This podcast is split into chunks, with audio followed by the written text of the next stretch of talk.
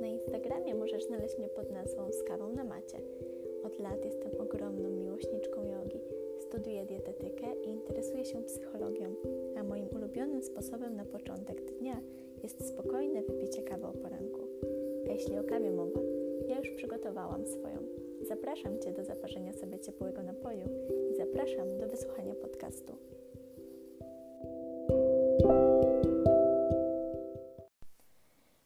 Szczególny odcinek, ponieważ zaprosiłam do niego gościa, a uściślając gościnie. W tym podcaście porozmawiam z Mają, którą możecie kojarzyć z Instagrama jako Active Yoga lub z bloga activeyoga.pl, który teraz zmienia nazwę na yogamedycznie.pl. Maja jest joginką, a także fizjoterapeutką.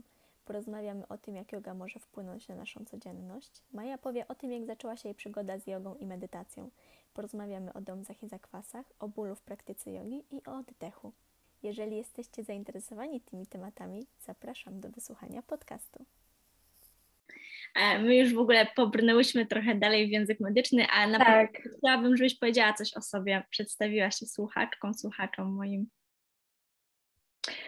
E, tak, na początku to może się przywitam. Cześć wszystkim. E, ja się nazywam Maja, mm, jestem joginką i fizjoterapeutką. E, prowadzę od jakiegoś czasu bloga związanego z jogą i fizjoterapią. Mm, mieszkam w Gdańsku. Samą jogą zajmuję się od 8 lat. Mm, od 5 lat gdzieś zdecydowałam, że moją jogową ścieżką będzie Ashtanga Yoga. I dzięki jodze odkryłam moją drugą właśnie pasję, jaką jest fizjoterapia, bo ja bardzo chciałam uczyć jogi, zostać nauczycielem jogi, ale bardzo bałam się, że mogłabym komuś zrobić krzywdę i chciałam zrobić to w ogóle porządnie. I chciałam być takim nauczycielem, który wie o czym mówi i który no nie zrobi komuś krzywdy, tak, dotykając go, czy tam ustawiając w różnych asanach.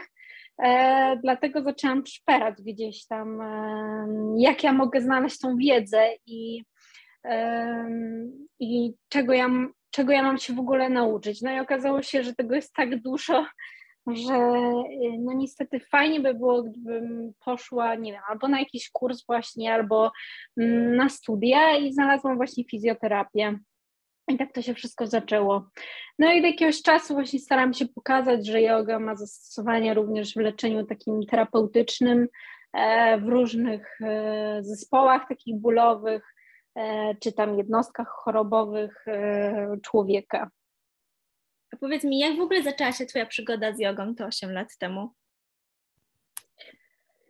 Jak, jak się rozpoczęła? E, rozpoczęła się tak, że mm, w sumie to była zasługa e, mojego partnera, który, e, który zmobilizował mnie w ogóle do aktywności fizycznej. E, ja wybrałam jogę, ponieważ pamiętałam, że jeszcze za czasów liceów, lice, tak, jeszcze za czasów licea, to gdzieś tam e, próbowałam jakiejś też aktywności fizycznej, gdzieś się tam pojawił e, gdzieś się tam pojawiły zajęcia online, ale to głównie ze sprawą telewizji. Pamiętam, że był taki jakiś program Club TV, gdzie Alan się, musiałam sobie przypomnieć, kto i jak po tych, po tych e, kilku latach e, prowadził takie zajęcia właśnie e, w telewizji, gdzie były emitowane. Także tak, zaczęłam e, od takich e, nagrań właśnie mm, z płytami DVD e, stworzonymi przez zespół Alana Fingera. I to się nazywała ta cała seria Yoga Zone. E, oczywiście to było z tłumaczeniem polskim, to było emitowane właśnie na antenie programu Club TV i ja o tym pamiętałam, że było kiedyś coś takiego i sobie próbowałam tam po 15 minut dziennie jakichś tam ćwiczeń, serii, które były, które były na tych płytach. E, no i tak mi się to wszystko spodobało, że stwierdziłam, że, że chciałabym pójść dalej. E, no i tak się rozpoczęło w ogóle szukanie jakby całego mm, stylu jogi, w którym, w którym poczułabym się dobrze. Ale... E, bo ja cały czas czułam, że muszę się w jakimś takim e, stylu gdzieś określić, żeby móc podążać, z racji tego, że jestem bardzo poukładaną osobą, żeby móc podążać po prostu jakąś tam wybraną ścieżką i e, no i szukałam, szukałam i, i znalazłam właśnie po kilku latach, przypadkiem zupełnie. A zapytam, w jakim stylu praktykował Alan?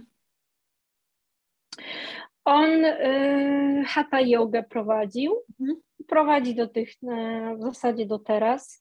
Y, to się oczywiście gdzieś tam rozpadło, o, aczkolwiek on dalej y, uczestniczy w mediach społecznościowych y, i też prowadzi różne zajęcia na, y, na różnych portalach właśnie takich internetowych związanych z jogą i nauczaniem. Mhm. A Twoja miłość do asztangi jak się narodziła? Bo powiem szczerze, ja praktykuję jogę od 7 lat i pierwszy raz asztangi spróbowałam chyba w tamtym roku i jakby nie ciągnęło mnie do tego stylu i mam z nią takie trudne relacje. Czasem się kochamy, czasem nie ma. Trudne relacje. E, Prawdopodobnie dlatego, bo asztanga jest bardzo trudna i jest to jeden z najbardziej wymagających w ogóle stylów jogi i nie każdy może praktykować asztangę, chociaż mówi się, że każdy może praktykować jogę. Natomiast e, ja też trochę tego zdania nie jestem, e, ale e, myślę, że jogę bardziej może dopasować do, do każdego, ale nie każdy może praktykować. E, ja spotkałam się pierwszy raz z asztangą, e, ponieważ e, jak zaczęłam interesować się w ogóle światem jogi i tego, jak mogę poza szkołami jogi takimi stacjonarnymi w mieście uczęszczać, to chciałam coś robić ponad to i szukałam też zajęć online, które by były darmowe. I wówczas z kolei nie trafiłam na darmowe z kolei zajęcia, ale zetknęłam się z, z takim portalem, z, takim, z taką stroną internetową jak portal yogi, e, obecnie bardzo znany, natomiast wtedy on dopiero zaczynał jakby e, funkcjonować. I ja się tam zapisałam chyba na 30-dniowy okres próbny, bo wtedy były jeszcze takie długie e, okresy próbne. Teraz wydaje mi się, że tam jest chyba kilka dni tylko, nie, nie, nie, ale nie jestem 30. tego pewna. Jest 30. Jest 30 tak, jeszcze. Tak. tak. I ja się wtedy tam zapisałam i e, jednym z głównych tam e, nauczycieli prowadzących te zajęcia online, oczywiście one były wcześniej nagrane, więc to e, taki po prostu był dostęp tak jak na YouTubie, e, była Basia Lipska i ona właśnie prowadziła takie, pro, takie mm, wprowadzenia do asztangi. Ja dostałam któregoś dnia takiego bardzo spersonalizowanego maila właśnie z portalu yogi, że fajnie by było, gdybym spróbowała, tak, że rusza właśnie taki program 30-dniowy z Basią, no i e, czy chciałabyś tam e, spróbować e, e, wziąć udział w tym, e, w tym 30-dniowym programie? Asztangi jogi. No i spróbowałam i wtedy mi się to bardzo tak wydało mi się to bardzo trudne i byłam bardzo sfrustrowana, że w ogóle yy, swoją kondycją. Yy, no ale z drugiej strony stanowiło to dla mnie duże wyzwanie stwierdzić, spróbować. Zaczęłam szukać yy, szukać w ogóle jakichś innych też nauczycieli i wtedy trafiłam na YouTubie na moją nauczycielkę obecną Kino Yoga. E, oczywiście e, i oczywiście z nią pierwsze zajęcia były koszmarne, ponieważ ona ma bardzo taki szybki, szybkie tempo i też e, jest bardzo wymagająca e, pod względem takim siłowym, że tam wychodzisz z jej zajęć po prostu z tyrana.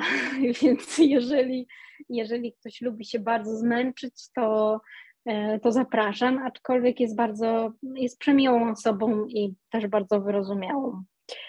E, no i tak to się zaczęło, że jakby każdy kolejny gdzieś tam punkt w asztandze mobilizował mnie i był kolejnym jakimś punktem, wyzwaniem do tego, żeby sprawdzić siebie i zobaczyć, jak daleko ja jestem w stanie, e, mm, jak daleko jestem w stanie e, pójść. A przede wszystkim chyba też to, że asztanga jest taka, mm, że ja bardzo lubię się zmęczyć fizycznie podczas aktywności mhm. I, e, i to tam znalazłam też. A powiedz mi, kiedy mm. postanowiłaś zrobić kurs nauczycielski? E, ja nie zrobiłam kursu nauczycielskiego, ponieważ e, nie uważam, że jest mi to do końca potrzebne, ponieważ zajęłam się fizjoterapią i jakby na kursie nauczycielskim mm, uczysz się metodologii, tak mi się wydaje. E, a ja jakby to miałam na studiach, więc jakby wiem o co w tym chodzi, wiem, wiem jak budować, tak, jakby jak zbudować całą e, praktykę, żeby to miało ręce i nogi i żeby, żeby faktycznie zaczynać e, e, jakby od tych asan, które, które nie zaszkodzą, które nie są najtrudniejsze, tak? Bo głównie chodzi o to, żeby nie zaczynać od stania na głowie, czy praktyki jogi, czy tam ciężkich, takich wymagających pozycji siłowych. E, więc e, odkładam na razie ten kurs, e, ponieważ chciałabym znaleźć coś w, w tej idei, co przekona mnie do tego, że warto, tak? Bo jeżeli miałabym robić kurs nauczycielski, to na pewno chciałabym robić pod okiem mojej nauczycielki, a niestety moja nauczycielka mieszka w Stanach, więc e, jedyną na chwilę obecną możliwością jest po prostu zrobienie go przez, e, przez Zooma, tak, przez jakby online. Mhm. I to też nie do końca ma taki, mm, oddaje jakby cały klimat i jest wykorzystaniem 100% możliwości tego kursu, tak? No bo wiadomo, nie jesteśmy w stanie siebie dotknąć przez kamerkę i też nie jesteśmy w stanie sobie, e, nie jesteśmy w stanie wszystko zobaczyć. Także jakby pod względem anatomicznym i w ogóle układania całej e, praktyki, to, to, to jakby to ja czerpię te informacje ze studiów. Mhm. A powiedz mi, co na początku w ogóle motywowało Cię do stawania na tej macie codziennie? No rozumiem, że tam chciałaś się trochę zmęczyć aktywnością fizyczną, ale jakby po jakimś czasie, wiesz, jak się w ogóle zmotywować do stawania na macie? Jakby na początku jest super, to działa, wow, coś wychodzi, ale na przykład po czasie nie wychodzi i nagle jest taka frustracja, no bo nie idzie, nie staje na głowie, nie robię szpagatu, tych wszystkich zaawansowanych asan. No i w sumie po co ja mam w ogóle na nią stawać? Mm, no tak, właśnie tutaj jest rola Tutaj największą rolę odgrywa nauczyciel i e, to on powinien jakby prowadzić studenta e, jogi e, tą ścieżką, którą, którą się wybrało, tak? Ja muszę przyznać, że zasługi leżą w rękach mojej nauczycielki, która wykona kawał dobrej roboty w uświadamianiu mnie, dlaczego warto praktykować w ogóle codziennie jogę i o co w tym wszystkim chodzi. I tutaj właśnie wracam znowu do stwierdzenia, że yoga nie jest dla wszystkich, asztanga yoga jest dla wszystkich, bo e, w asztandze liczy się dyscyplina i regularność i mm, i to nie jest tak, że przychodzimy sobie na zajęcia dwa razy czy tam trzy w tygodniu, e, ćwiczymy i jest wszystko w porządku i nazywamy siebie joginami. Jakby to nie jest ujęcie takiej tradycjonalnej jogi. Jeżeli faktycznie e, nazywamy siebie joginami, joginkami w polskim tłumaczeniu, to yoga powinna być praktykowana codziennie. Tak samo jak medytacja powinna być praktykowana codziennie. I to jest rodzaj dyscypliny, że wstaję na przykład rano i ćwiczę, tak? Może mogą być to godziny popołudniowe, ale nieważne, co się gdzieś tam dzieje w Twoim życiu, no poza jakimiś takimi wyjątkami, tak? Różne są sytuacje, to jest to y, po prostu jakby Twój obowiązek, który gdzieś y, sobie samemu narzuciliśmy po to, żeby się rozwijać, tak? Nie tylko duchowo, ale fizycznie także. Poza tym asztanga, pierwsza seria asztangi w ogóle jest e, taką oczyszczającą e, serią, która ma za zadanie usunąć właśnie wszystkie napięcia w ciele, a medytacja jakby jest z kolei dopełnieniem, czyli e, wyciszeniem tego umysłu i takiego przekazania, nie wiem, gdzieś tam wyciszenia, tak, e, nie tylko organizmu, ale także właśnie tych takich nawracających myśli, emocji, tak żebyśmy mogli my jako ludzie funkcjonować w obecnym świecie, w którym jest mnóstwo stresu i mnóstwo e, takich, i, i wszyscy gdzieś pędzą i jest taka pogoń za, za, za właśnie, za potrzebami.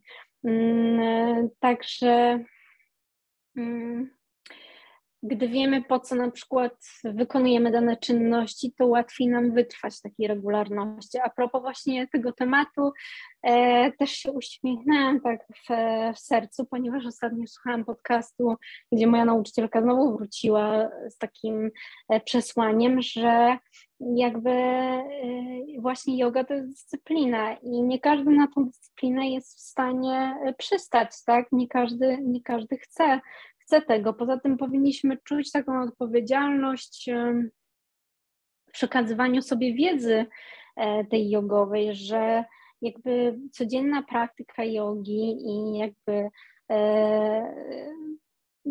i medytacji jest, jest takim okazywaniem szacunku naszym poprzednikom, który, którzy przekazują nam tą wiedzę, tak? Nasi nauczyciele też mieli swoich nauczycieli, którzy przekazali im tą wiedzę i jest to wyraz też szacunku, że my to pielęgnujemy i chcemy jakby przekazywać to wszystko E, w takim tradycjonalnym, e, jak najbardziej tradycjonalnym e, właśnie podejściu, żeby nie utracić tych szczegółów, które są bardzo ważne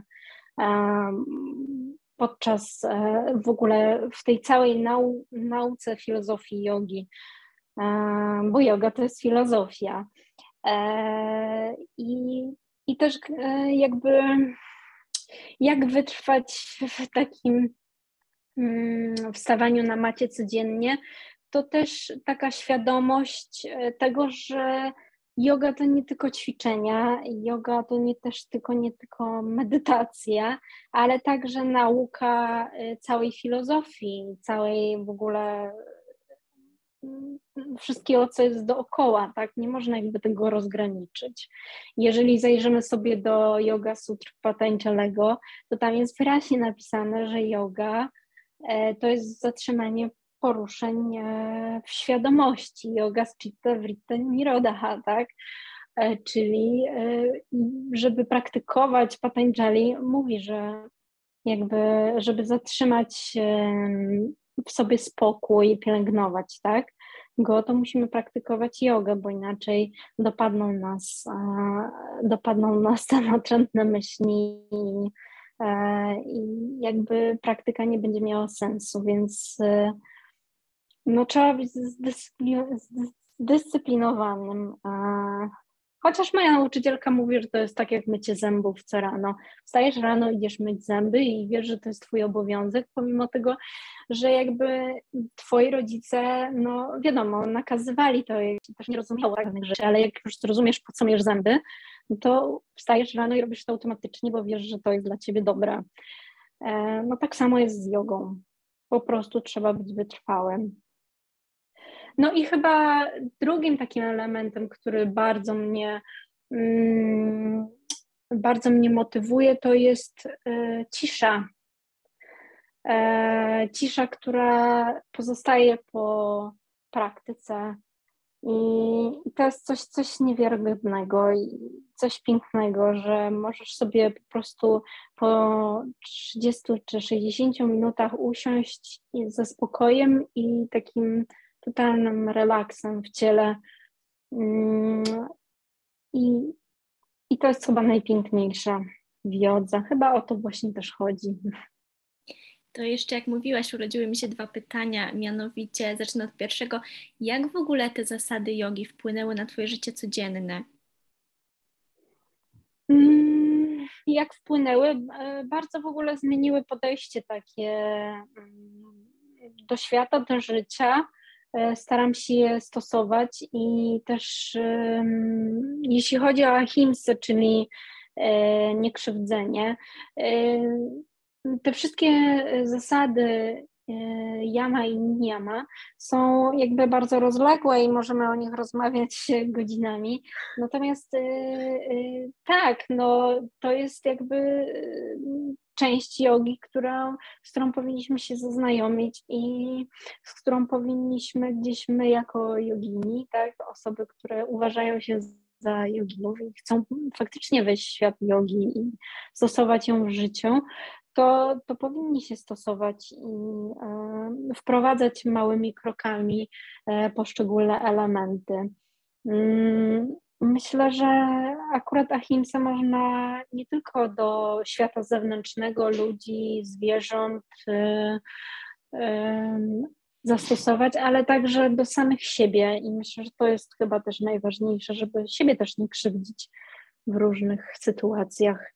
Więc e, jakby te wszystkie zasady, one mają bardzo, są wielowątkowe i naprawdę mm, trzeba dużo poświęcić czasu, żeby, żeby je zrozumieć, ale to też jest element jakby nauki jogi, tak? To też się składa na praktykę jogi przynajmniej moim zdaniem. Tak, tak, ale warto też zaznaczyć, że w sumie na początku, jak ktoś wchodzi na matę, to nie zawsze interesuje go ta filozofia. I jakby też, żeby się nie zrażał tym, że on nie zna tej filozofii i wiesz, nie, tak. nie odnosi jej do siebie, bo moim zdaniem wszystko przychodzi z czasem. Ja pamiętam, jak sama wchodziłam na matę, to jakby filozofia jogi mnie totalnie nie interesowała. Dla mnie to była czysto fizyczna praktyka i nic więcej.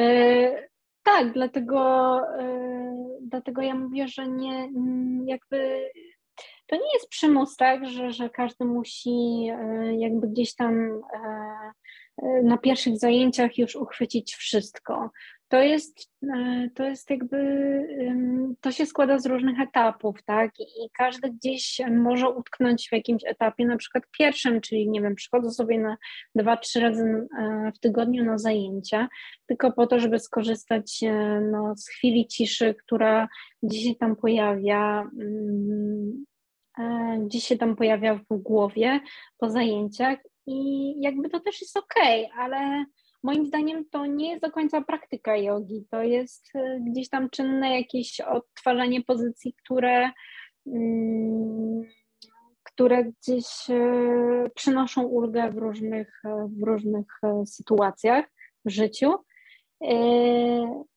Natomiast są też osoby, które jakby idą krok dalej, tak? I chcą wiedzieć więcej. I myślę, że mm, najważniejszym zadaniem szkoły jogi, do której przychodzą studenci, jest właśnie pokazanie, że są różne, e, różne sposoby na to, żeby się nauczyć jogi i e, poznać kulturę w ogóle Indii.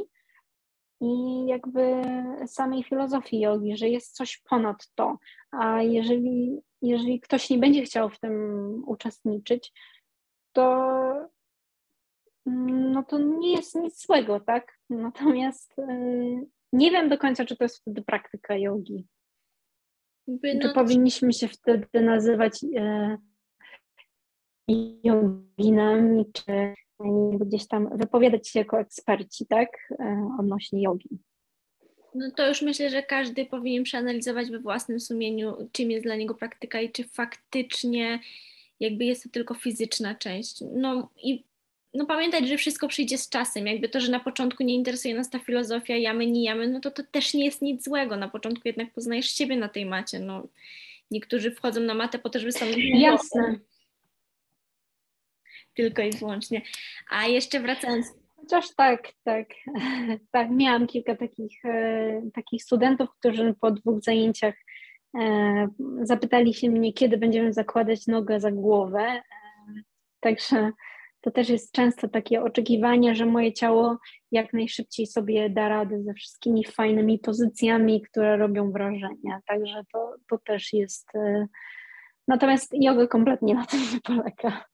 Dokładnie, ale też zauważ, no teraz może ja jestem w takiej swojej bańce, że ja nie widzę już takich pozycji zbyt często, ale jak sama zaczynałam jogę, to w internecie widziałam tylko i wyłącznie joginki bardzo wysportowane we wszystkich zaawansowanych pozycjach i szczerze myślałam, że yoga polega tylko na tym i jak ktoś, ktoś, jak nagle trafiłam na in jogę i tam przez większość czasu odpoczywałam i leżałam, to ja myślałam, że zwariuję podczas tej godziny. Mhm.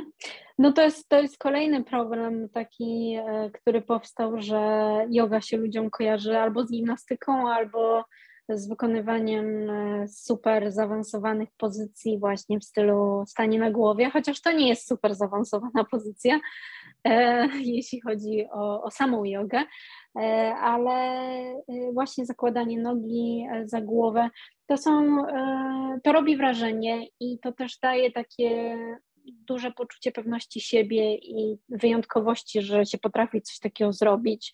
I myślę, że, mm, że gdzieś tam przez to, że yoga się coraz bardziej rozwija w internecie i też coraz częściej się o, mówi o jakby innych y, benefitach, y, które możemy czerpać z jogi, to odchodzimy od takiego spojrzenia. Myślę, że coraz częściej można właśnie spotkać się z tym, że, mm, że jednak gdzieś tam e, uciekamy tak, od tego takiego szablonowego myślenia, że yoga to jest gimnastyka właśnie albo e, same jakieś szalone pozycje, e, które, które robią wrażenie. Myślę, że, że tak, że, ale jest to duży problem i, i myślę, że wielu nauczycieli się w Polsce nawet za granicą też spotykają właśnie z tym, że jak wyprowadzić takiego studenta z takiego myślenia. To, to jest bardzo trudne. Hmm. Także, że, że, tak. Ja mam wrażenie też, że w Polsce no, trochę długa droga przed nami ze względu na to, że yoga największy boom ma jednak w tym w tym COVID-zie. Od tego się zaczęło, że coraz więcej ludzi zaczęło tą jogę praktykować. Jakby nie wiem, czy masz takie wrażenie, ale mi się wydaje, że przed tym COVID-em tak dużo osób praktykujących jogę no nie było, powiem szczerze. Czy może ja mm. w takim, w takim kręgu otaczałam, ale no ja mam wrażenie, że tego tak nie było i patrząc wstecz te kilka lat temu, polski YouTube w ogóle w jogę nie był tak obfity, a teraz może naprawdę znaleźć mnóstwo ciekawych praktyk i, i praktyki nauczycieli. E, no to na pewno, na pewno e, lockdown spowodował to, że, że ludzie zaczęli szukać jakichś alternatyw, które, e, które pomogą im zapanować nad emocjami. I, I to też jest właśnie takim potwierdzeniem tego, co mówiłam, że jakby ludzie przestali patrzeć na jogę jako właśnie na taką typową gimnastykę, że też skądś się u nich wzięła ta idea tego, że e, yoga jest na stres, yoga, że yoga dobrze działa e, w takich właśnie sytuacjach, że, że możemy się wyciszyć dzięki jodze. Myślę, że mm, że tu masz dużo racji w tym, że, że gdzieś to tam się rozpowszechniło bardzo. Chociaż ja też w świecie YouTube'owym nie siedzę za bardzo, bo ja jakby mam już swoją praktykę, mam swojego nauczyciela, mam gdzieś, ja, ja jakby siedzę bardziej pod względem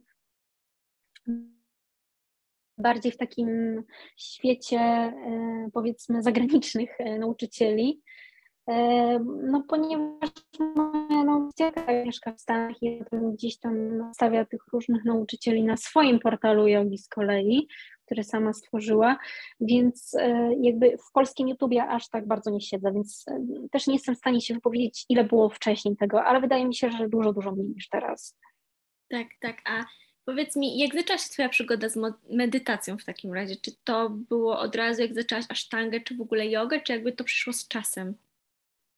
I ja w ogóle bałam się bardzo medytacji na samym początku, bo ja nie wiedziałam, z czym to się je, a tak w zasadzie to e, w ogóle to nie potrafiłam się gdzieś tam e, odnaleźć e, w, w medytowaniu, ponieważ wydawało mi się to strasznie trudne i nie medytowałam na samym początku. Ja dopiero zaczęłam medytować jak e, odnalazłam swój styl ashtanga yoga, No i, i tam się pierwszy raz spotkałam z medytacją u różnych nauczycieli, takich właśnie zagranicznych, którzy prowadzili takie medytacje. I, i one były różne, bo, bo jest naprawdę dużo, dużo różnych sposobów na to, żeby medytować. E, to też z kolei jest zapisane w Yoga, w yoga Sutrach e, Patańczalego. Też można sobie to przejrzeć, jeżeli ktoś jest ciekawy, żeby sobie tak usystematyzować wiedzę albo po prostu poczytać na ten temat. Natomiast mnie nauczyła medytować e, kino i, i muszę powiedzieć, że medytuję tak regularnie od pięciu lat. Przez moje życie przyszło mnóstwo różnych sytuacji stresowych i niestresowych i no, takich typowo życiowych, więc jakby czasami były to medytacje dwa razy albo trzy razy w tygodniu, ale od jakiegoś czasu e, już siebie tak bardzo zdyscyplinowałam i medytuję codziennie. I doszłam do wniosku, że, mm, że ta medytacja ona nie musi być za każdym razem jakiejś konkretnej długości. Może to być zwykłe 5 minut, ale usiądź i po prostu medytuj przez 5 minut. Postaraj się skupić uwagę na oddechu i to wystarczy. I jakby mm, to jest niezwykle ważne, żeby w ogóle medytować codziennie, ponieważ mózg pracuje cały czas, umysł cały czas generuje tysiące myśli i jakby y, no, istotne jest to, żeby y, żeby medytować codziennie. Ja w ogóle medytuję techniką medytacji Vipassana. Mm, to jest taka technika, która skupia się, y, gdzie się skupia uwagę na oddechu, czyli analizuje się, jaki ten oddech jest. W zasadzie nie analizuje się bardziej, tylko obserwuje. E, też nauczyłam się dzięki medytacji rozpoznawać swoje emocje, bo kompletnie tego nie umiałam, jak 80% naszego społeczeństwa pewnie i w ogóle ludzi na świecie, bo jest to strasznie trudne i, i, w ogóle jako z punktu widzenia rodzica pewnie trudno jest tego nauczyć swoje dziecko, jak rozpoznawać swoje emocje. Jest to taka technika, w której jest bardzo dużo obserwacji, czyli my w medytacji trenujemy, powiedzmy, umysł do tego, żeby obserwować, co się dzieje w naszym ciele, ale nie reagować. I jakby dla mnie te zasady są na tyle czytelne, że y, bardzo to na mnie podziałało. I, e, i przynosi dla mnie medytacja jest takim właśnie dopełnieniem w ogóle całej praktyki i uważam, że nie można jej oddzielić ani pominąć w ogóle w jodze. Natomiast to się często robi, ponieważ e, tak jak już wspomniałyśmy, no dużo właśnie jest e, też studentów, którzy przychodzą dwa razy czy tam trzy razy właśnie w tygodniu na zajęcia i to jest wszystko, jakby gdzieś ta medytacja jest pomijana bo też e, ludzie też nie czują takiej potrzeby, nie? A poza tym to jest bardzo trudne. Weź usiądź teraz przez 5 minut i kurczę, zostan i staraj się skupić na oddechu, a tu ci cały czas jakiś e, zapadasz się w ogóle w, e, w otchłani swoich myśli, zaczynasz myśleć, potem jeszcze mm, czujesz że się coś drapie, tutaj e, słyszysz jakieś odgłosy u sąsiada i nagle zaczynasz zastanawiać, co on tam robi, albo e, nie wiem, czy się zaczynasz drapać, umysł się rozprasza, bo oczywiście w medytacji ogólnie chodzi o to, żeby powstrzymywać się od jakiegoś tam ruchu, żeby właśnie nie, nie dokładać sobie tych rozproszeń, więc to jest strasznie trudne i naprawdę wymaga wymaga takiego powtarzania, tak, treningu. Natomiast yy, ja uważam, że nie należy się zrażać. Jeżeli będziesz praktykować 5 razy 5 minut, nie wiem, dziennie, albo nawet zaczniesz od tych yy, częstotliwości 2-3 razy w tygodniu, no to i tak jest super. I yy, naprawdę trzeba sobie dać dużo czasu, żeby tak wysiedzieć pół godziny. Ja ci powiem, że moje że... z medytacją były takie, że rzuciłam się na głęboką wodę, tak teraz z perspektywy czasu, na te 10 minut, które każdy polecał i ja po prostu zasypiałam, jakby i ja się budziłam na przykład godzinę później i ja w ogóle, no nie wiem, no ja zasypiałam podczas medytacji i jakby po czasie się zorientowałam, że no może nie do końca tak powinnam to robić, więc ja zaczęłam dosłownie od dwóch minut i dla mnie dwie minuty były katorgą do wytrzymania, gdzie ja tak. na rzeczy do zrobienia w głowie, po prostu umysł, praca tysiąc obrotów więcej, jakby dla mnie to było straszne. I szczerze mówię, chyba nigdy się tak. nie w tej medytacji. E, znaczy nie zakładajmy sobie, że nigdy, bo, bo to, też do końca nie jest tak. No, też zależy od y, nauczyciela, który to prowadzi, albo instruktora. Mm, myślę, że y, najważniejsza jest systematyczność i taka chęć, mm, chęć jakby gdzieś tam poznania tego i zbliżenia się i zrozumienia tego, na czym to polega, ale co jest bardzo istotne, to medytacja właśnie pozwala zachować dys, dystans i taką przestrzeń do pielęgnowania w sobie emocji, takich jak miłość, radość i spokój. I tego się uczymy. I ja podczas medytacji e, nauczyłam się kochać siebie i e, dawać sobie emocje, których mi bardzo brakowało. I myślę, że że to jest gdzieś tam, to jest najważniejsze, żeby sobie to dawać, nawet jeżeli to ma trwać dwie minuty. Nawet jeżeli, e, nie wiem, czujesz, że po prostu no nie dasz rady, to spróbować znowu wrócić do oddechu. Jeżeli czujesz, że za, zapadasz się w jakieś e, set, tony w ogóle myśli w głowie i że wszystko strasznie ciebie zdrażni, to mimo wszystko postarać się znowu powtórzyć tą samą technikę, powrócić do oddechu, skupić się na oddechu e, i starać się nie reagować. Po prostu to jest, to jest strasznie trudne i ja wierzę, że to mnóstwo ludzi się do tego zraża, ale, e, ale spróbować. Fajną też jest medytacją bardzo taka medytacja z wizualizacjami, takimi z wyobrażeniem różnych sytuacji. Ja pamiętam, że najfajniejszą medytacją, jaką miałam przed, przed nauką medytacji z moją nauczycielką, była e, medytacja z Carrie która, e, która opowiadała o tym, że lecimy na czarodziejskim dywanie. I jakby to było takie super, bo ja sobie to wszystko wyobrażałam i E, tak się czułam wolna, pamiętam, i taka spokojna. Super była ta medytacja. No, także to też są sposoby, nie na każdego działa każda technika, tak? Trzeba sobie wypróbować. Jeżeli jedna technika nie po miesiącu w ogóle nie, nie zdaje egzaminu, to może warto po prostu poszukać czegoś innego. Też są medytacje, które skupiają uwagę na przedmiocie, mnóstwo, mnóstwo różnych jest alternatyw i polecam, żeby, żeby próbować i nie poddawać się.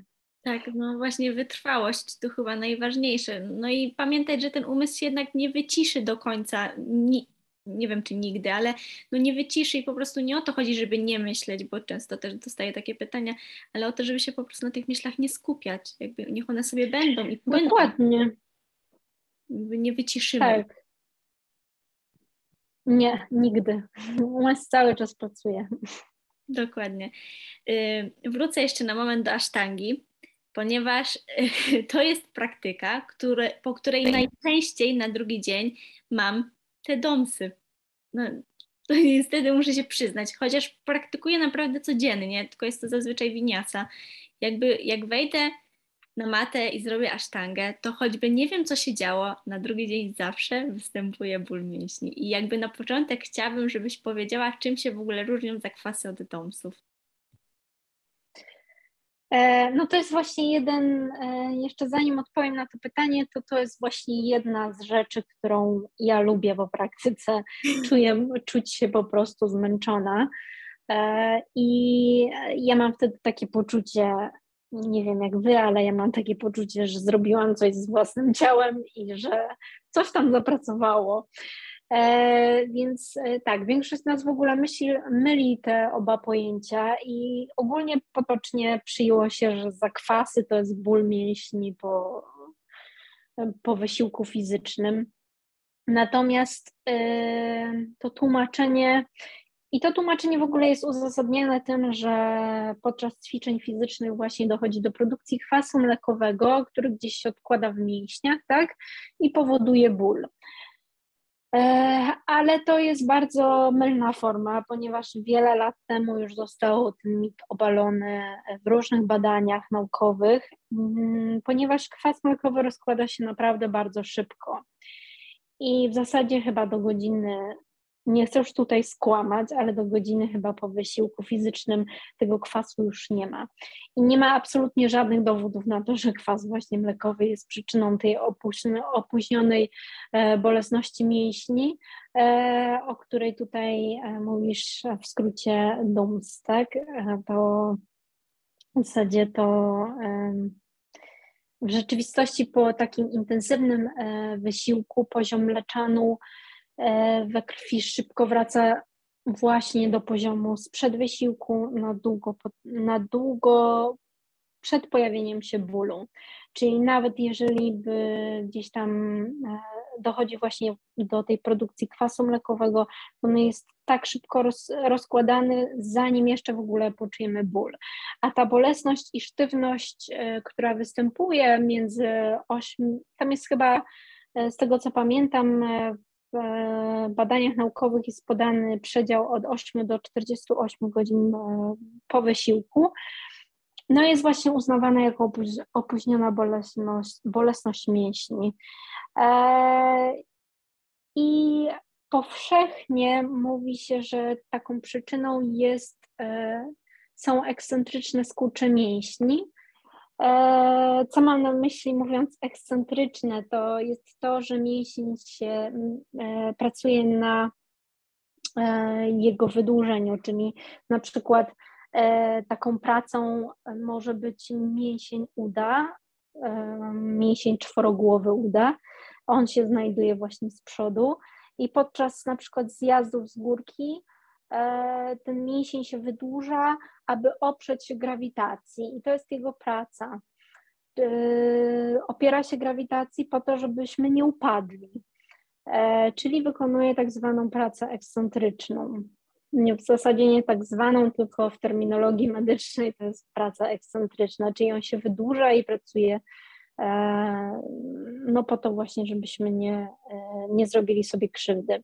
I podczas takiego skurczu mobilizuje się mniej włókien w celu uzyskania e, równoważnej mocy wyjściowej i w tym momencie właśnie wytwarzają większą siłę włókna, jest wytwarzana większa siła na powierzchni włókien mięśniowych w porównaniu do innych skurczów i w wyniku takiego większego obciążania, obciążania mechanicznego wywierającego na mięśnie mogą właśnie wystąpić mikrourazy, czyli takie miejscowe uszkodzenia mięśni, które po prostu są bolesne. I po takim wysiłku fizycznym, jeżeli mięsień jest słaby, słabą ma siłę mięśniową, czyli no po prostu e, dochodzi na przykład do takiego słynnego drżenia mięśni w różnych pozycjach, no to e, najprawdopodobniej dojdzie właśnie do tych uszkodzeń, e, do tych mikrourazów mięśni. No i co organizm robi? Organizm w tym momencie naprawić, ale naprawia to już wychodząc krok w przód, czyli już naprawia tak, żeby te mięśnie były, żeby te struktury, które popękały, były po prostu mocniejsze. Dlatego e, jesteśmy w stanie, e, dlatego mamy taką, odczuwamy, że na przykład jak już przejdą nam to e, potocznie zwane zakwasy, to łatwiej jest na przykład nam utrzymać e, po raz kolejny gdzieś tą pozycję, ponieważ nasze mięśnie, nasz organizm nauczył się, że potrzeba wytworzyć silniejsze struktury po to, żebyśmy poradzili sobie znowu z kolejnym wysiłkiem o podobnej, o podobnej mocy, można tak powiedzieć. Bo wiesz, mikrourazy mięśni, jak ja pierwszy raz powiedziałam, wypowiedziałam to słowo, to y, niektórzy w ogóle byli przerażeni, że to tak strasznie brzmi i w sumie to co oni powinni wtedy robić, jak one już wystąpią. Co możemy zrobić? No, no to nie jest nic strasznego, to jest jakby, to jest y, fizjologia i jakby jeżeli one wystąpią, to jedyną rzeczą, którą możemy zrobić, to dać się zre, zregenerować organizmowi, I możemy sobie pomóc e, jakimiś takimi, możemy sobie pomóc na przykład e, mm, okładami lodu, mm, takimi, broń Boże, jakimiś środkami przeciwbólowymi, bo to raczej nie jest dobre wyjście, ale właśnie jakimiś metodami naturalnymi w stylu przyłożenie sobie lodu albo zrobienie sobie dłuższej przerwy pomiędzy praktyką. E, musimy też pamiętać o tym, że jakby mm, dyscyplina dyscypliną, ale jeżeli dzieje się coś takiego, że e, no po prostu nie jesteśmy w stanie wejść na matę po na przykład dwóch takich seriach asztangi dzień po dniu, no to po prostu robimy sobie przerwę i to jest jak najbardziej okej. Okay. No, nie możemy forsować organizmu na siłę, bo dojdzie do po prostu najprawdopodobniej e, w końcu infekcji tak w organizmie, bo jakby gdzieś tam przeładujemy siebie i obniżymy sobie tą odporność. Więc jakby dać sobie czas, to, to nie jest nic złego, to jest, e, to występuje i zawsze będzie występowało, dopóki, e, dopóki nie będziemy pracować, gdybyśmy pracowali w zasadzie cały czas na tych samych obrotach e, fizycznie, no to prawdopodobnie nie czulibyśmy zakwasów, ale każdy chce iść jakby budować tą siłę mięśniową, budować wytrzymałość, więc e, taka jest kolej rzeczy, tak, e, tak organizm przygotowuje się na większy wysiłek fizyczny, więc mikrourazy, no trudno to nazwać inaczej, tak mi się wydaje, no jest to chyba najbardziej odpowiednia najbardziej odpowiednie określenie, które przychodzi mi do głowy. E, no tak jest, e, więc u mnie bardzo dobrze działają układy z lodu albo po prostu odpoczynek, właściwe suplementacja magnezem i różnymi innymi witaminami, które są potrzebne mm, do prawidłowego działania organizmu. Wiesz, mówi się, że yoga nie powinna boleć, ale tutaj już sama też nawiązałaś do tego, że jednak, żeby jakiś progres zrobić, to czasami ten ból występuje. Tylko jak rozpoznać, że to jest ból, który jeszcze pozwala nam się rozwijać, taki bardziej dyskomfort, a nie ból, że tam się dzieje jakaś krzywda w tym organizmie? Tutaj, jeśli chodzi o ból, to jest, e, bardzo, to jest, to jest bardzo szeroki temat, ponieważ jest e, są, występuje, jeżeli występuje ból, to on może mieć przeróżny charakter i e, to mm, jakim, jaki ten ból jest, świadczy o różnych, e, różnych patologiach albo też fizjologiach. Patologiach, czyli mam na myśli tutaj e, na przykład jakichś uszkodzeniach tak, w układzie ruchu, w organizmie, które, mm, które mogą być objawem na przykład e, dyskopatii, tak? E, więc tutaj by było trzeba określić, jaki to jest konkretnie charakter tego bólu. Domyślam się, że tutaj chodzi głównie o taki ból związany z pieczeniem i sztywnością mięśni. Mm, więc jeżeli, tak jeżeli jest to taki błąd z pieczeniem, to najprawdopodobniej jest on przyczyną przedłużenia takiego skurczu izometrycznego, czyli skurczu, w którym mięsień znajduje się w stałym napięciu i tych pozycji, w którym mięsień e, właśnie jest w stałym napięciu, e, to jest bardzo dużo w jodze. No, przykładem może być pozycja wojownika 2, e, tak, gdzie czwórki mięśnie ud z przodu nam pracują intensywnie i faktycznie czasami niektórzy już tak czują takie zmęczenie, e, tak na macie czujemy i wtedy dochodzimy do pewnej granicy, gdzie no, wychodzimy z pozycji i to ten ból mija. I to napięcie wytwarzane właśnie przez mięsień powoduje zapadanie się naczyń krwionośnych w naszych e, mięśniach, które dostarczają nam tlen i paliwo. Jeżeli my zwolnimy to napięcie, no to już na nowo, tak, tak jakbyśmy no na nowo ten e, jakby usu usuwamy tą blokadę i mięsień z powrotem dostaje właśnie tlen, paliwo. E, I metaboliczne właśnie produkty końcowe z tych szlaków e, gromadzą się w mięśniach, co prowadzi właśnie do, do takiej zwanej, do tego kwasu. To jest to, o czym ja mówiłam z tym kwasem mlekowym. I jeżeli ból jest e, właśnie taki piekący, jest to taka sztywność, to należy no po prostu zrobić chwilę przerwy w pozycji i spróbować jeszcze raz z nią wejść, tak, jeżeli czas na zajęciach pozwala. E, natomiast jeżeli czujemy, że ból jest taki silny, wręcz rozrywający, to absolutnie powinniśmy wyjść z tej pozycji. Mm, tak samo jest z kolanami, jeżeli czujemy, że w jakiejś pozycji, na przykład Bada Konasana, czy w pozycji lotosu czujemy ból w kolanach albo w ogóle w, w jakiejś części kolana, czy to środkowej, czy bocznej, to absolutnie jest to dla nas alarm, że powinniśmy się wycofać z takiej pozycji. To znaczy, że jakieś struktury nie są gotowe na przyjęcie takiego zakresu, zakresu ruchomości, no, no takiej intensywnej pozycji. Mm, tak samo, jeżeli czujemy mm, ból taki bardzo promieniujący, e, tak jakby ciągnęło nas coś po sznurze, to, to też może świadczyć o jakichś zmianach neurologicznych, które gdzieś się tam, jakimś ucisku gdzieś na korzenie nerwowe, które, e, które też jest niebezpieczną jakby formą bólu, tak? To też trzeba wziąć sobie pod uwagę i wtedy albo powiedzieć, że czujemy coś takiego na zajęciach instruktorowi, nauczycielowi, tak by było najlepiej, albo po prostu wyjść z tej pozycji i e, spróbować jakąś e, alternatywę lżejszą tego, albo po prostu e, przeczekać, tak, takie pozycje. Tak samo jest w asztandze. My nie robimy jakby wszystkich pozycji, jeżeli ktoś nie jest gotowy na to mięśniowo, nie jest gotowy na to fizycznie.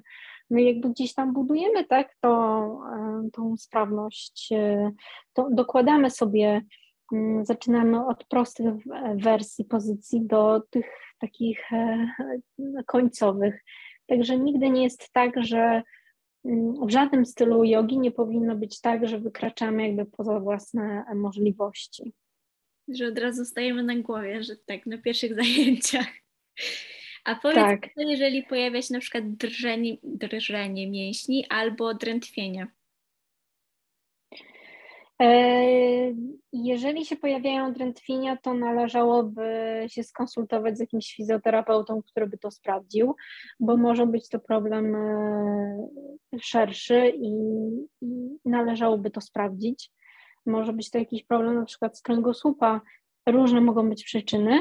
Nie, nie, nie chciałabym się absolutnie teraz tutaj gdzieś tam e, przywiązywać do jednego do jednej przyczyny, ponieważ no, no tak nigdy nie jest. E, a jeżeli mamy, odczuwamy drżenie mięśni, to, nale, to należy wziąć to pod uwagę, że mięsień już doszedł do, jakby do swojej maksymalnej wytrzymałości i wycofać się trochę. Mm, zrobić jakąś lżejszą formę tej, tej pozycji, albo odpocząć i spróbować znowu. Yy, nie byłabym za tym, żeby utrzymywać takie drżenie yy, na siłę, tak? Tak jak jest na przykład na Wasana, gdzie jest to jedna z trudniejszych wyzwań, ponieważ tam wytrzymujemy pięć, trzy serie po pięć oddechów i jest jeszcze to ułożone w takiej środkowej części, gdzie już nasz organizm jest dość zmęczony, ale jeszcze ma trochę siły, żeby dokończyć jakby te wszystkie pozycje jogi, które są dalej e, i które przygotowują nas już do tej części relaksacyjnej. E, natomiast ja bym nie szła w to, żeby forsować dalej ciało, jeżeli czujemy, że no dochodzi już do takiego drżenia i nie mamy już siły na to, żeby wykonywać e, daną pozycję, to ja bym nie była z takim przekraczaniem tej granicy. To jest taki pierwszy żółty alarm, który według mnie no jest takim ostrzegawczym, że, że coś za dużo robimy po prostu. Tak, no i też, żeby nie ucierpiała na tym technika, bo czasami tak bardzo zmuszamy się do pozycji, że technika cierpi, tak naprawdę więcej szkody niż pożytku można sobie narobić wtedy. Tak, i jeszcze mm, często jest też, że jeżeli mamy złą technikę, to zazwyczaj nie dochodzimy do tych pozycji trudniejszych. Także to jest tak, jakbyśmy mieli złą mapę, tak, e, w lesie, przypuśćmy, czy na drodze, że jeżeli no po prostu technika jest zła, no to nie wiadomo, jak będziesz się starać, żeby wykonać daną pozycję, no to jakby nie zrobisz jej, bo, bo, bo jakby przyczyna, jakby sposób wykonywania jest zły. Mm, a co powiesz o oddechu? Czy on w takich trudniejszych pozycjach, on pomaga, tylko jak leżymy, czy stoimy, czy w ogóle wykonujemy jakąś trudniejszą asanę i wiesz, nagle nauczyciel mówi oddychaj do tego bolącego miejsca, czy tak skup się na tym bolącym miejscu, a już w głowie po prostu jakim sposobem on pomaga w ten sposób. W ten sposób, jakim sposobem? E, jeśli pytasz o fizjologię taką człowieka, czy pytasz o tę sferę umysłu, bo, bo to są jakby dwie różne Może rzeczy. zacznijmy od fizjologii, a później o umyśle. No jeżeli chodzi o tą fizjologię, no to ja się też z tym spotkałam i mi to bardzo pomagało zawsze, na yin jodze zwłaszcza. Mm, jest to po prostu rozluźnienie tak, mięśni. E, I, I to jest znowu tak samo jakby nauka organizmu, że bierzemy oddech i staramy się rozluźnić z wydechem, czyli poluzować, te, jakby zminimalizować napięcie w organizmie. Oddech w ogóle działa tak uspokajająco i właśnie dlatego medytujemy też, tak? Po to, żeby nauczyć się rozluźniać to ciało. Im bardziej będziemy gdzieś tam trenować tak tą medytację, jeżeli można nazwać to treningiem, ale jeżeli będziemy regularnie medytować, no to będzie nam łatwiej się rozluźnić w pozycji, w której jest duże napięcie. Aczkolwiek to też sobie trzeba zróżnicować, bo czasami jak jest zbyt dużo e, bodźców takich, e, czy jest zbyt dużo napięcia w różnych częściach ciała, no to będzie trudno, tak, to wykonać, więc może warto sobie zrobić e, jakieś, e, może warto sięgnąć po jakieś ułatwienie i zminimalizować jakby e, zakres czy, czy zaawansowaną tak formę tej pozycji. Może warto po prostu się wycofać i zrobić czegoś mniej, ale z, mniej, z mniejszym napięciem. Mm, to tak bym na to patrzyła, że faktycznie u mnie też tak było, ale ja jakby nie miałam, y, starałam się rozluźnić i im bardziej z wydechem się rozluźniałam, y, no tym bardziej, y, tym głębiej mogłam wejść w pozycję, tak, i czułam mniejszy może mniejszy ból, ale ja bym nie była też za tym, żeby się tak forsować, że, że, że masz takie poczucie, że zaraz oszalejesz i że musisz wyjść z tej pozycji, bo po prostu tak cię wszystko boli i wszędzie czujesz napięcie, że nie szłabym w coś takiego, bo to też nie chodzi o to, żeby przekraczać jakby możliwości takie swoje fizyczne, tylko po prostu, żeby, żeby ta pozycja przyniosła ci ulgę, bo to chodzi o to, a nie o, o to, żeby po prostu na maksa się rozciągać i yy, spięta i wręcz zła na siebie, że, że po prostu czujesz tyle takich mocnych, takich mocnych bodźców, którymi przez godzinę karmiłeś swoje ciało przed chwilą.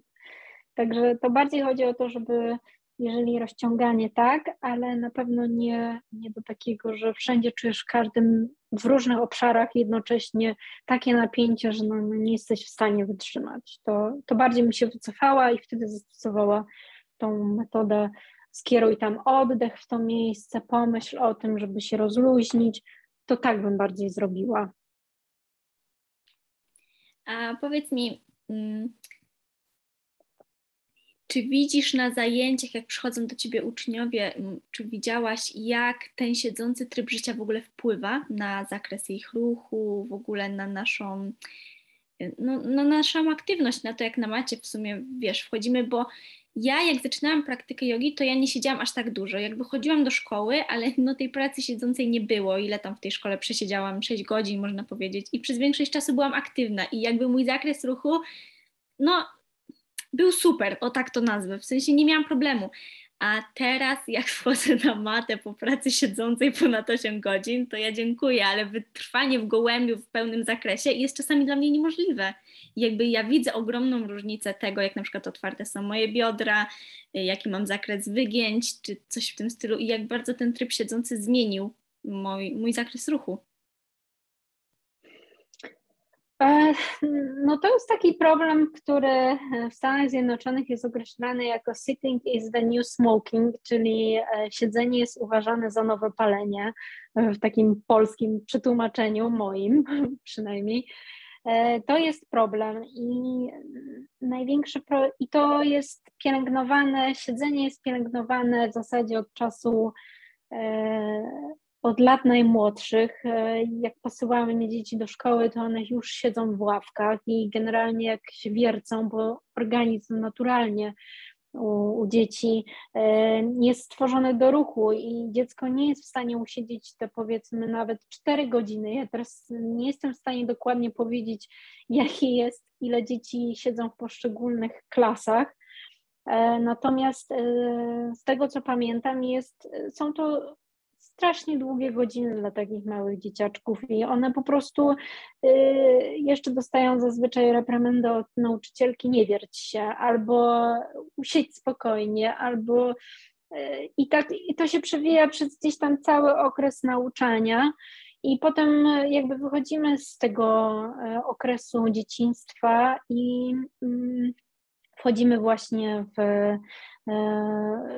idziemy na studia, też siedzimy bardzo długo. Czasami zajęcia są po 12 godzin dziennie e, albo i po 10 godzin dziennie i my wciąż siedzimy, a potem jak chcemy się, e, potem nie wiem, no niektórzy na przykład e, tak podczas pracy siedzą 8 godzin dziennie, tak jak mówisz, Potem jak wracasz do domu, to zazwyczaj siedzisz w autobusie albo w samochodzie. Potem jak już wrócisz do tego domu, trochę się poruszasz, no ale potem już znowu usiądziesz, tak, żeby odpocząć na kanapie, e, czy żeby no po prostu się zrelaksować. Więc ta pozycja siedząca jest dla nas e, w zasadzie mm, ja bym powiedziała, że nawet nie 3 czwarte, ale 90% naszego naszej e, codziennej aktywności w ogóle ruchowej. I e, ja myślę, że to jest też trochę nieuniknione, ponieważ no, jakby wiele rzeczy, e, wiele prac jest takich siedzących. Natomiast jak sobie możemy z tym poradzić, to na pewno aktywność fizyczna i brak tej aktywności właśnie powoduje bardzo dużo, wiele chorób cywilizacyjnych. I to nie tylko już takie ograniczenia mięśniowe, o których mówimy w jodze, ale takie choroby cywilizacyjne, e, które działają destruktywnie na nasz układ w ogóle e, organizmu, więc e, w ogóle pozycja siedząca jest bardzo niebezpieczna dla kręgosłupa, niebezpieczna w takim Bardziej mam tu na myśli, że obciążenie kręgosłupa w, w trakcie siedzenia jest od, od 40 do 90% większe niż podczas stania. Więc e, ten kręgosłup podczas siedzenia dostaje bardzo duże obciążenie i zazwyczaj Zazwyczaj bardzo dużo jest pacjentów, którzy mają problemy tak z odcinkiem lędźwiowym kręgosłupa. E, oczywiście ja, ja, nie chcę tu generalizować, że jak siedzisz, to będą ci bolały plecy, e, bo tak też do końca nie jest, bo na to ma bardzo duży wpływ jakby jak ukształtowała się nasza postawa ciała, jaką przyjmujemy codziennie, jakie są takie powtarzalne mechanizmy ruchowe, które, na które nie zwracamy uwagi, gdzieś tam to są wszystko takie tak zwane kompensacje, czyli e, takie ułatwienia organizmu, e, które dostosowały się w ramach naszego dorastania.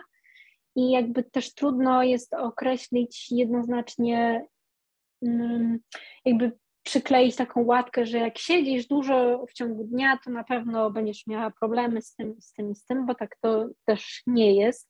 Natomiast y, y, tak jest faktycznie, że, że jak się idzie na jogę, to się czuje, że y, jakby i widać po, po studentach, że po prostu jest dużo, dużo ograniczenie.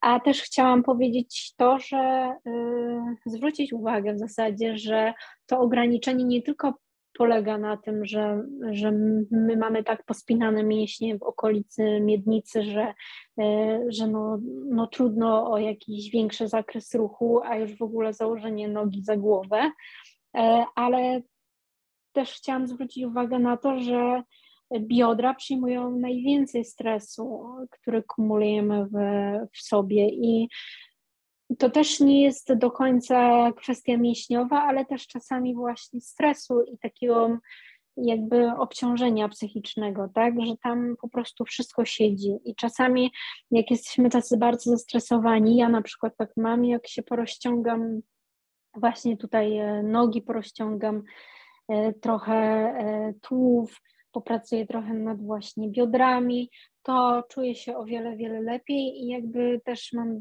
takie mniejsze obciążenie psychiczne. Tak. Y miałam pytanie. Chociaż nie wiem, czy do końca odpowiedziałam na Twoje pytanie. Mam nadzieję, że tak. Tak, tak, ale jeszcze właśnie chciałam zapytać, czy na przykład na fizjoterapii, jak teraz jesteś na studiach, czy mm, pod kątem anatomicznym jakoś widać zmiany na przestrzeni lat, jak się zmienia na przykład na układ kostny, czy coś w tym stylu, jak ten tryb siedzący na nas wpływa. I nie wiem, czy rozumiesz, o co mi chodzi. Nie wiem, czy na przykład miednica, ułożenie się zmienia. O, o, to, o to mi chodzi. Znaczy się, może nie zmienia się, ona się po prostu tworzy podczas dorastania, tak? Znaczy się, są pewne zmiany strukturalne, bo to chyba o tym mówisz, mhm. przełożenie na fizjoterapię, strukturalne, czyli takie, które już nie jesteśmy w stanie zmienić, po prostu kość się tak uformowała i no, no, no niestety tak, tak to już jest. E, są bardzo, mimo tego, że kości generalnie budowy mamy taką samą, to są bardzo duże odchylenia w różnych ustawieniach kątowych, e, które się wytworzyły w, w naszym powiedzmy dorastaniu, tak? I jakby jesteśmy w stanie popracować mięśniowo, natomiast jeżeli coś jest ukształtowane strukturalnie, czyli kość się wytworzyła w jakiś sposób, no to tu już nic nie zmienimy. To musiał chirurg po prostu to porozcinać i na nowo złożyć, aczkolwiek to też nie jest e, możliwe, podejrzewam. E, natomiast nie, jeśli chodzi o takie anatomicznie, jesteśmy w stanie wyciągnąć bardzo dużo mięśniami, czyli jakby postarać się poustawiać te miękkie struktury w taki sposób, żeby to poprawić ich e, działanie, żeby one faktycznie funkcjonowały w takim zakresie fizjologicznym, czyli prawidłowym. Natomiast jeżeli miednica, nie wiem, jest no nie wiem, źle się ukształtowała, tak, pod, podczas tego dorastania, no to tutaj e, yoga tego nie zmieni, tak.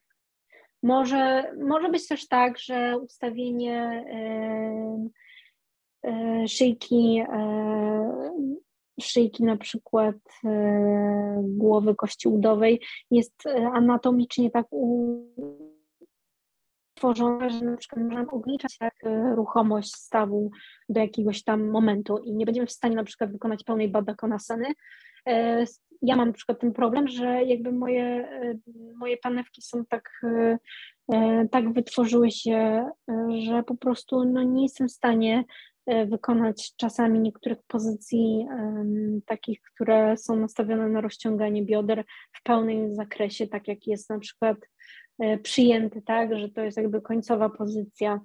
Chociaż też bym nie była za takim, e, takim szufladkowaniem się, że tak jest pokazane i tak, tak to musi wyglądać. Absolutnie nie. No, my wykonujemy pozycje i dostosowujemy je do siebie, do swojego ciała, a nie dążymy do tak zwanych ideałów, tak, bo to ładnie wygląda na przykład. Nie, tak, tak nie jest. Czasami są ograniczenia, że dochodzisz już faktycznie do, mm, do swoich możliwości. Po prostu, co byś nie robiła, to, to, to po prostu nie pójdzie, tak? No bo tam kość uderza o kość i nie ma możliwości, żeby więcej zrobić. W przypadku bioder oczywiście, bo, bo różne są e, możliwości. Także no, jeśli chodzi o takie anatomiczne, jeżeli mówimy tutaj o, o kościach i stawach, no to niestety jeżeli to się już tam wytworzy, to to już takie będzie, nie, nie zmienimy. No chyba, żebyśmy wymienili to na coś sztucznego. To już trzeba do chirurga, to już nie, nie nauczyciel jogi tak. wtedy. A powiedz mi, bo już wspomniane tutaj było, że yoga wpływa uspokajająco, w sensie pomaga zredukować stres, a jak wpływa na inne układy, na przykład układ krwionośny, oddechowy, mm, w chorobach typu, nie wiem, choroby serca, astma, bo To już jest, e, mówimy tutaj o kilku różnych jednostkach chorobowych i czyli tak jakby tak jakby rodzaje chorób, które gdzieś tam mm, naszego organizmu, e, one się rządzą, bo jakby własnymi, mm, każdy ma z nich jakby przeciwwskazania, wskazania do różnych aktywności, do wykonywania aktywności e, fizycznych. Mieć tak, że yoga, że tutaj możesz, a tu nie możesz, nie wiem, z chorym sercem albo z układem e, krążenia wykonywać i to działa tak chorobowy, tak jak ty mówisz o, o, sobie, że na przykład y, jesteś na jakimś tam etapie, a inna osoba może być zupełnie na, na przykład na, e, może mieć te objawy mniejsze albo i większe. I jakby nie można, mm, nie można tego tak tak łatwo opowiedzieć e, w rozmowie. To jest po prostu wiedza, którą się zdobywa tak na studiach, e, tutaj w moim przypadku w fizjoterapii. E, każda jakby ta jednostka jest bardzo, bardzo szeroka i taka um, e, trudno, trudno mi jest odpowiedzieć na to pytanie, bo można zastosować jogę, ale trzeba wybrać z tego takie pozycje, które będą się, y, które będą się, y, które nie zaszkodzą, a które mogą pomóc.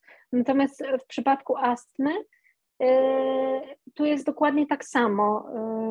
Trzeba było przeanalizować pozycje, które Mm, popatrzeć na nie tak z pod różnym kątem i zastanowić się, czy to pomoże, czy to nie pomoże. Na pewno praca z układem oddechowym jest e, ważna i na pewno wpłynie pozytywnie. Natomiast ja bym nie chciała tutaj występować w jakby w roli eksperta pod, pod kątem no, mm, różnych jednostek chorobowych i zastosowania jogi. Myślę, że ma, natomiast trzeba to sprawdzić, tak? Czy to jest to, co ja robię od wielu lat, czyli e, zanim, zanim faktycznie wypowiem się na jakiś temat, no to, to sprawdzam pod kątem e, danego obszaru, czy on po prostu, jakie są wskazania, przeciwwskazania i myślę nad tym, czy, czy ta yoga faktycznie tutaj znajdzie zastosowanie. Bo w niektórych jednostkach chorobowych nie znajduje i to jest naturalne, tak? Mm, także, ale to jest ciekawy temat, może kiedyś go poruszę na blogu, opiszę szerzej i coś zaproponuję. Ja na pewno będę czekać na ten artykuł, no bo bardzo mnie interesuje to, jak w sumie wpływa. Bo wiesz, w niektórych jednostkach chorobowych jest polecana i no ja mam -hmm. właśnie obserwację, jeżeli chodzi o tą astmę, że w sumie zanim zaczęłam tak praktykować, no to mówię, ja nie mogłam nawet przebiec 10 metrów, no bo u mnie to się kończyło zaraz napadem. No a teraz nie mam inhalatora, na szczęście, odpłukać w niemalowane, jak to się mówi, i jakoś daję sobie radę, ale no, no to chyba tak jak mówisz, najpierw trzeba by było się skonsultować jednak czy z lekarzem, czy z fizjoterapeutą, jeżeli chodzi o dobór, a nie, nie zawsze na własną rękę będzie dobrze. E, dokładnie tak. No i zwłaszcza jak się choruje przewlekle to myślę, że na, najpierw warto by było się skonsultować w ogóle z fizjoterapeutą i, i przeanalizować, tak, te pozycje, które się wykonuje, czy one, czy one będą faktycznie mm, dobre dla nas, czy nie. Bo jakby każdy fizjoterapeuta znajduje swoją specjalizację w fizjoterapii i, i wiadomo, że nie ma fizjoterapeutów, którzy są dobrzy od wszystkiego. Tak mi się wydaje. Że jak to się mówi, jak ktoś jest dobry od wszystkiego, to jest dobry od niczego, czy, czy coś w tym stylu, że tak, coś, coś takiego tak, było. Tak. E, a powiedz mi, jak y, asztanga wymaga dużo dyscypliny, a ty wspomniałaś na początku właśnie, że jesteś już w sumie w końcówce ciąży. I ja mam pytanie, jak ta praktyka teraz u ciebie wygląda i jak w ogóle ten, no moim zdaniem, piękny czas u kobiety wpływa na twoją praktykę? Było wiele strachu na samym początku o to, co mogę wykonywać, a czego nie mogę wykonywać. E, I bardzo długo szukałam, pytałam i dowiadywałam się na temat tego, jak ja mam tą w ogóle praktykę, przynajmniej tej pierwszej serii, której, której się wciąż uczę, dostosować do, do siebie, do, do ciąży. Mm, ja o tym pisałam e, ostatnio na blogu, jak to u mnie wyglądało e, w bardzo tam szczegółowy sposób, więc też zachęcam, żeby, żeby, żeby to sprawdzić, sobie przeczytać osoby zainteresowane. Natomiast e, ta praktyka jest zupełnie inna. I dla mnie to było najtrudniejsze, że ona, że ona się zmieniła, bo moje nastawienie już nie mogło być na zasadzie E, zmęczenia dużego fizycznego, tylko bardziej odżywienia organizmu i danie mu takiego e, odpoczynku może, e, pozbycia się napięcia w ciele, więc ja też tutaj przeszłam kurs taki związany z tym, jak dostosować asztangę do, do ciąży. I to mi bardzo dużo dało, bo, bo wiedziałam już, które pozycje mogę wykonywać, a które nie, ale nie warto na pewno rezygnować z asztangi. Asztanga, jakby ciąża nie jest przeciwwskazaniem do jogi, a już w ogóle do konkretnych stylów jogi. E, są przypadki, w których można jak najbardziej wykonywać e, wszystkie pozycje odwrócone, stanie na głowie, jeżeli kobieta robiła to wcześniej, e, wykonywała takie stanie na głowie i jakby wykonywała w ogóle całą pierwszą serię, to jak najbardziej można to kontynuować w ciąży, ale trzeba po prostu, są dni, w których e, mam ochotę po prostu posiedzieć na macie i pomedytować, są dni, w których e, chciałabym się zmęczyć i, i to też robię. Oczywiście to nie jest już takie zmęczenie, jak było e, sprzed ciąży, e, gdzie naprawdę ta praktyka była dość intensywna. Tutaj intensywności jest bardzo, jest praktycznie o połowę mniej, jeśli mam mówić o swoich odczuciach ale praktykowałam przez w zasadzie wszystkie miesiące ciąży Mm, I też bardzo ważna jest e, zgoda lekarza. To jest najważniejsze na samym początku, żeby on po prostu wyraził zgodę na, na wykonywanie tak, ćwiczeń, nawet powiedzieć lekarzowi, że no nie wiem, będziemy wykonywać pozycje odwróconych, w których głowa jest e, poniżej, tak, e, E, serca i czy możemy to, i czy możemy takie pozycje wykonywać, czy możemy w ogóle, na co możemy sobie pozwolić, a na co nie. Natomiast też bardzo ważną rolę odgrywa nauczyciel, który powinien po prostu na takich zajęciach powiedzieć, tak, z których pozycji jesteś wyłączona, których nie powinnaś wykonywać.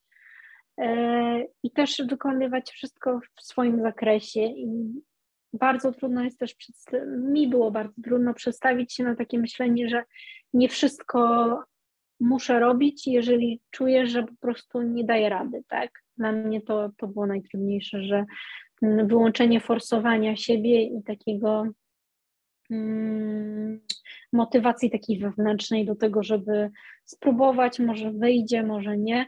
Tutaj bardziej y, u mnie to wyglądało bardziej na taki um, łagodną odmianę asztangi, chociaż nie powiem, że się męczyłam, tak? I, ale nigdy to nie było zmęczenie takie, że potem następnego dnia leżałam i nie mogłam się ruszać, bo to, to, nie jest dobre.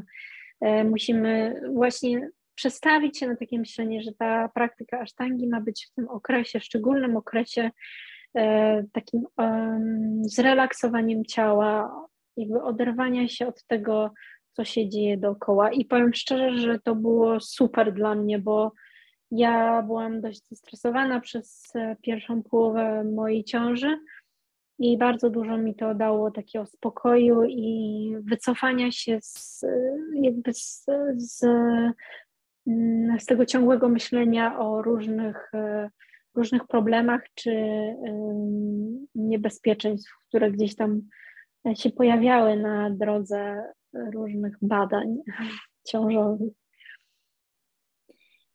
To jeszcze mam do Ciebie w sumie już ostatnie pytanie, tak naprawdę, jedno z ostatnich.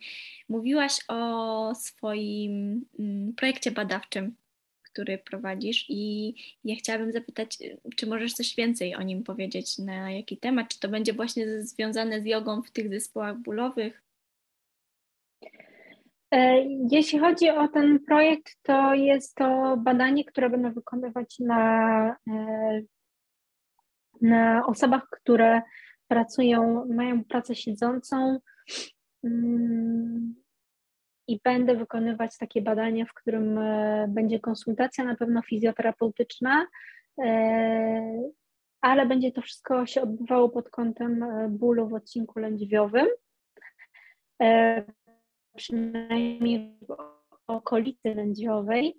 E, czyli najpierw będzie konsultacja, na pewno taka fizjoterapeutyczna, e, która będzie stwierdzać, tak, e, poprzez wykonanie różnych testów, skąd się ból bierze, a potem będzie mm, terapia jogą, czyli po prostu będą takie prowadzone zajęcia jogi i będę sprawdzać, w którym, czy yoga faktycznie pomaga ludziom w takim podczas pracy siedzącej utrzymać albo zminimalizować w ogóle bardziej zminimalizować e, ten ból w odcinku w okolicy lędźwiowej, ale utrzymać e, taki no, stan ciszy, powiedzmy, gdzie tego bólu nie ma, tak? Czyli pomóc po prostu w, takich zespołach bólowych.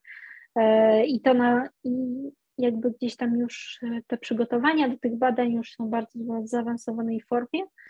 E, i na pewno pojawią się jakieś nowe informacje, jak można by było skorzystać z takich konsultacji. Oczywiście te konsultacje będą darmowe, e, będą odbywać się, a same zajęcia będą odbywać się przez okres trzech tygodni, więc jeżeli ktoś by się taki, e, ktoś by się za, jakby, z, jeżeli ktoś by się mm, załapał do takiego programu, to na pewno fajnie jest skorzystać sobie właśnie z ćwiczeń nie tylko z samej konsultacji, ale także takich e, ćwiczeń już konkretnie celowanych na ból w odcinku lędźwiowym. Czy to muszą być konkretnie mm, osoby ale... z Gdańska, z Trójmiasta, czy... E, no najlepiej by było, bo, bo, bo takie zajęcia będą się odbywać w tygodniu i żeby ten dojazd jakby, bo ja muszę mieć tego pacjenta fizycznie, hmm. fizycznie na sali, także E, ale jeżeli ktoś, ktoś by chciał przyjeżdżać, no to jak najbardziej zapraszam. E, można się zgłaszać. E, mówię, niedługo będą na pewno jakieś mm, konkretniejsze informacje na ten temat, gdzie, co i jak. Na chwilę obecną pracuję mocno tutaj nad samym badaniem i samą terapią, i na pewno z początkiem przyszłego roku e, będą ruszać te konsultacje i w ogóle sam jakby cykl tych zajęć dla takich e, osób, które mają problem z odcinkiem lędźwiowym. Jedynym no tutaj e, takim must have to jest praca siedząca, zwłaszcza praca siedząca w okresie właśnie COVID-u, lockdownu.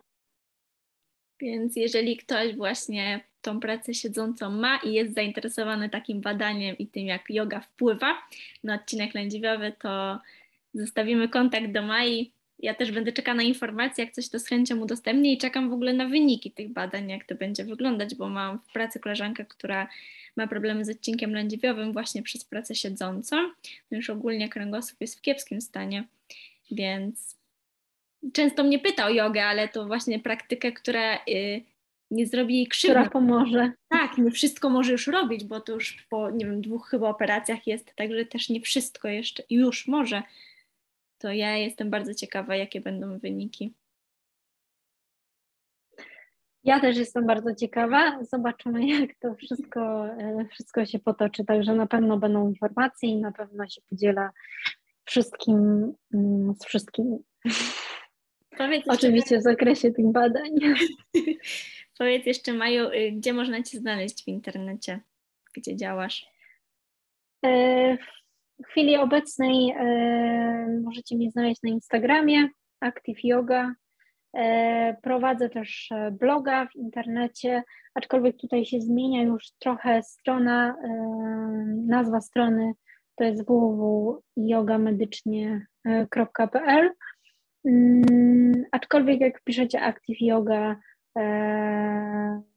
.pl to, to również, e, również powinniście zostać przekierowani na nowy adres e, strony, e, ponieważ planuję zmienić trochę szatę graficzną i też trochę bardziej usystematyzować jakby mm, cały profil mojej działalności, który już wiem po latach, jak powinien wyglądać i i utożsamiam się też troszkę z nową nazwą bardziej niż e, z tą, którą miałam dotychczas. Natomiast jest to wszystko w procesie i e, ale wszystkie informacje pewnie będą zamieszczone jeszcze mm, w opisie pewnie e, podcastu. Tak, tak, ja wszystkie linki też dodam. A powiedz mi, czy może nie akurat w tym momencie, ale ogólnie, czy można z Tobą popraktykować tak offline w Gdańsku? Brakują słowa, w rzeczywistości w sensie? E, znaczy się w tej chwili mam przerwę, ponieważ no już jestem w dziewiątym miesiącu ciąży, także y, trochę sobie zrobiłam przerwy. E, natomiast można, y, te informacje również będą na stronie internetowej zawarte, e, wszystko będzie odnośnie nowych miejsc, bo to też się trochę zmieniło z racji tego, że już jestem, już kończę drugi stopień studiów e, magisterskich e, na fizjoterapii i też e, jakby będę odchodzić gdzieś do, będę miała na pewno jakieś swoje konkretnie miejsce, w którym będę prowadzić zajęcia dla, dla różnych studentów jogi, mam nadzieję.